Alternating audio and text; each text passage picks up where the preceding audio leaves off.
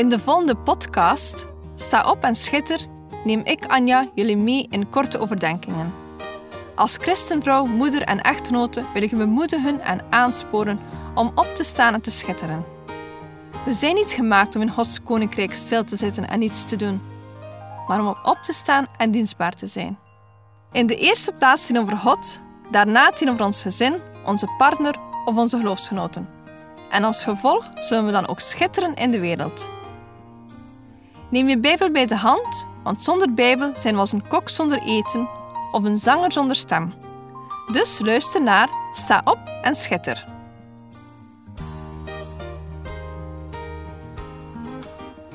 Iedereen komt wel eens in aanraking met depressie. Daarom vind ik het belangrijk om dit onderwerp eens met jullie te bespreken. Depressie is een aanhoudend gevoel van neerslachtigheid. Neerslachtigheid is voor velen onder ons wel herkenbaar. We hebben allemaal wel eens van die dagen waarop niets goed lijkt te gaan. En soms zijn het zelfs hele weken of maanden waarin je de ene na de andere tegenvaller te verduren krijgt. Eén tegenslag kunnen we doorgaans nog wel hebben. Maar wat als alles tegenzit? Ik wil jullie oproepen om waakzaam te zijn. Depressie is te vergelijken met een verkoudheid. De een is er vatbaarder voor dan de ander. Bij sommigen blijft het bij neerslachtigheid en wordt het nooit een depressie. Het komt ook voor bij christenen. Maak je geen illusie. Je hebt verschillende oorzaken, zoals erfelijkheid, tekort aan neurotransmitters, lichamelijke ziekten, hormonen, medicijnen, alcohol, drugs, een moeilijke gebeurtenis, stress, negatieve ervaringen uit het verleden en voor christenen mag zonde hier natuurlijk niet aan ontbreken. Vandaag wil ik het leven van Elia bekijken. We zien er hoe zo'n groot dienaar van God op een punt van depressie kwam. In 1 Koningen 17, 18 en 19 kunnen we zijn verhaal lezen. Ik wil het in het kort even overlopen. Het is een aanrader om het in eigen stille tijd eens volledig te lezen. We gaan terug in de tijd waar Ahab koning van Israël was. Hij deed wat slecht was in de ogen van God, meer dan allen die voor hem geweest waren. En het gebeurde dat hij ook Isabel tot vrouw nam en dat hij de Baal ging dienen. God stuurde de profeet Elia om de koning te waarschuwen dat er de volgende drie jaar geen regen zou vallen, omdat de mensen zich niet hielden aan de wil van God, maar Baal aanbaden.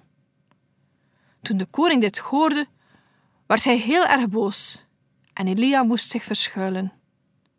Elia kreeg de opdracht van God om zich te verbergen bij de beek Krit, waar hij uit kon drinken. Iedere morgen en avond stuurde God raven om hem brood en vlees te brengen. Toen de beek opdroogde, kwam het woord van God terug. Hij zond Elia naar een weduwe die hem ook voorzag van eten en drinken. Uiteindelijk zond God Elia terug naar Ahab, omdat hij terug regen wou geven. Elia kwam voor Ahab te staan en vroeg om het hele volk van Israël bij elkaar te roepen op de berg Karmel. Elia wilde tonen wie de ware God was. Om dit te bewijzen werd er overeengekomen twee stieren te offeren. Maar niemand mocht het vuur zelf aansteken. De profeten van Baal en Elia zouden dan ieder hun eigen God aanroepen, en de God die door vuur antwoordde, is de ware God. Hoe die priesters ook hun best deden, er gebeurde helemaal niets. Tegen de avond slachtte Elia een stier en bad God om een wonder. Toen schoot het vuur des scheren neer en verteerde het brandoffer. Toen het volk dit grote wonder zag, keerden ze zich tot God en doden de priesters van Baal. Na drie jaar regende het weer. Wat een verhaal! Wat een geweldig geestelijk hoogtepunt. Maar wat we vaak zien, is dat na een hoogtepunt een dal komt. Ook in het leven van Elia. Ahab vertelde Isabel alles wat Elia had gedaan. Zij reageerde kwaad en wou Elia dood. Toen Elia dit nieuws vernam, stond hij op en vluchtte voor zijn leven. Hij kwam in Perseba en liet zijn knecht daarachter. Hij zelf liep echter een dagreis de woestijn en aanbad. Het is genoeg. Neem nu mijn leven, want ik ben niet beter dan mijn vaderen. We hebben hier twee uitersten van Elia gezien. Eerst zien we een man die moedig was, alles aankon. Iemand waarvan gezegd werd de hand des scheren op hem was. En dan later zien we een man, neergeslagen zonder hoop. We zien hier enkele kenmerken van depressie. Als eerste kenmerk vermoeidheid. Dat wordt niet expliciet verteld, maar we kunnen er wel van uitgaan. De spanningen van het wachten op het ingrijpen van de Heere en de komende regen. Toen moest hij ook nog vluchten. Het kan niet anders dan dat hij geestelijk en lichamelijk moe was. Vermoeidheid is helaas een voedingsbodem voor depressie. Als tweede kenmerk angst voor de toekomst. Elia was een moedige en dappere man. Hij was geen bangerik en toch werd hij direct na die fantastische ingreep van God bang voor één persoon. Dat alles laat zien dat Elia een vertekend beeld had van de werkelijkheid. God had al zo vaak voor hem gezorgd en nu laat hij zich leiden door angst en vlucht. Als derde kenmerk: alleen zijn, je afsluiten van anderen. Iets wat je bijna altijd terugvindt in depressie, is het verlangen om alleen te zijn. Elia ging de woestijn in om alleen te zijn. Op momenten dat je andere mensen het meest nodig hebt, je ze het verst bij je vandaan. Je sluit je af en je wilt alleen zijn.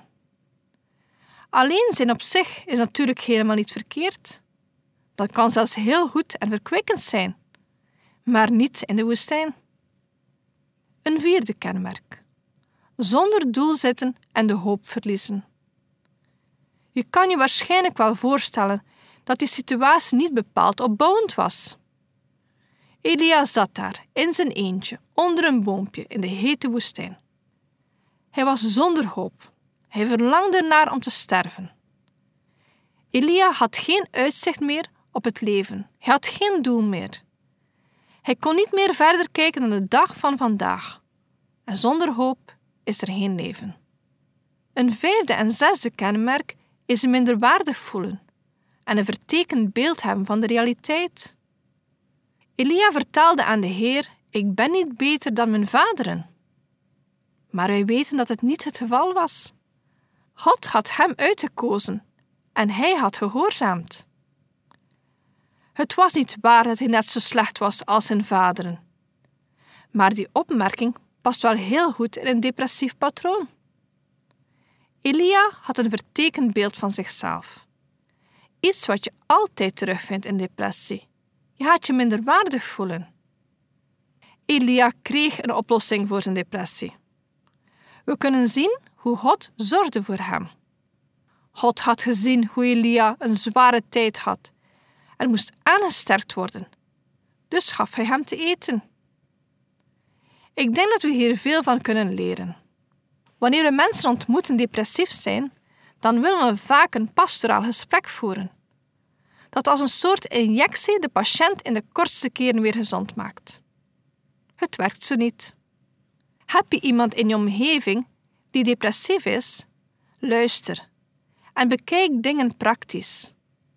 Eten speelt in depressie een grote rol. De ene gaat meer eten, de andere minder of ongezonder. Wat gebeurde nog meer in het verhaal? De engel liet Elias slapen en gaf voor de tweede keer eten. Heel praktisch. Een ander punt dat ik in dit verband wil noemen is het feit dat de engel de beslissing nam voor Elia. Hij zei: Sta op, eet, want de weg zou te zwaar voor u zijn. Hij nam de beslissingen zonder aan Elia uit te leggen waarom. Hij deed het gewoon.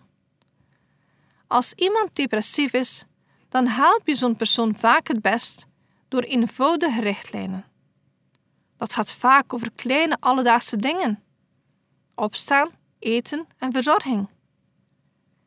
Elia luisterde en ging op weg. God gaf hem een lichamelijke opdracht.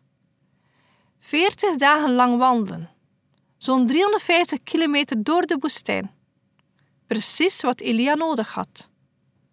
God hielp Elia op een heel praktische manier om zijn depressie te overwinnen.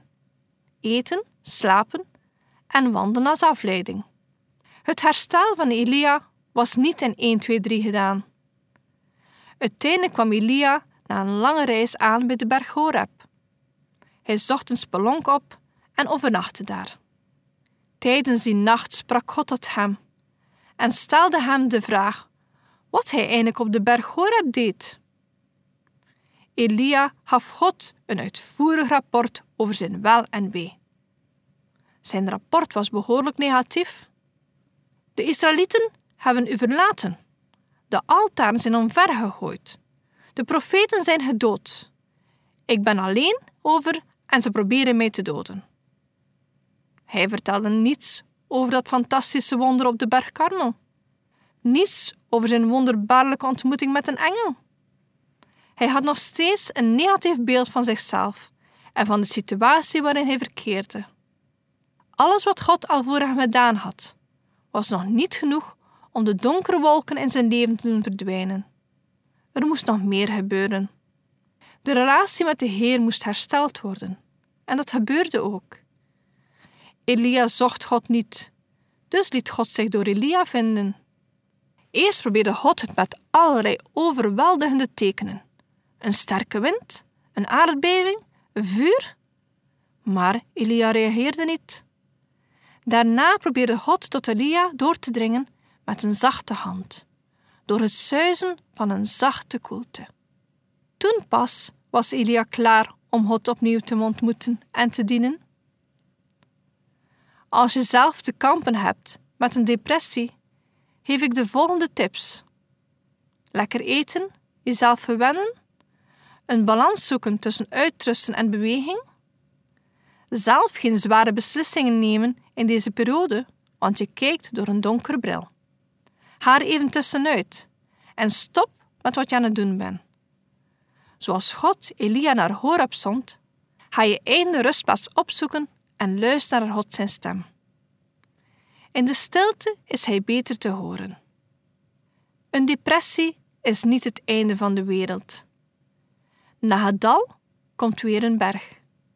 Er is leven na de depressie. En als je goed door een depressie heen komt, dan bent u sterker dan daarvoor. Depressie moet je niet alleen overwinnen. In de eerste plaats ga mee naar God en zoek een medechristen die met je mee wil wandelen en strijden. Zoek ook hulp bij een dokter die eerst kan kijken of je klachten niet medisch zijn. Strijd niet alleen. Zelf heb ik ook te lijden gehad met depressie in mijn kinderjaren. Ik worstelde alleen.